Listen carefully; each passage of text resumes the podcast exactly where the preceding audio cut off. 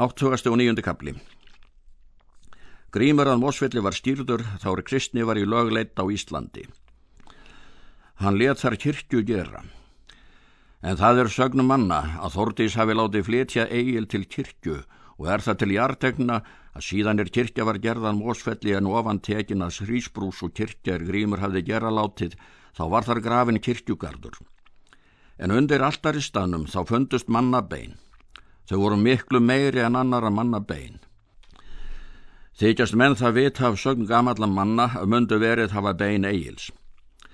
Þar var þá skafti prestur Þórarensson, vitur maður.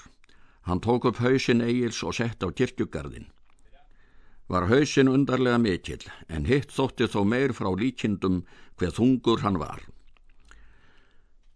Hausin var allur báróttur rötan svo sem hörpus sker. Þá vildi skafti forvittnast um þykleika hausins. Tók hann þá handöksi vel mikla og reytti annari hendi sem harðast og laust hamrinum á hausin og vildi brjóta.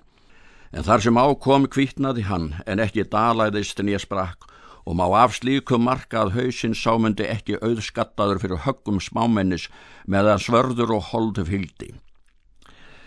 Begin Egil's voru lag neður í ötanverðum kirkjugardi að Mósfelli.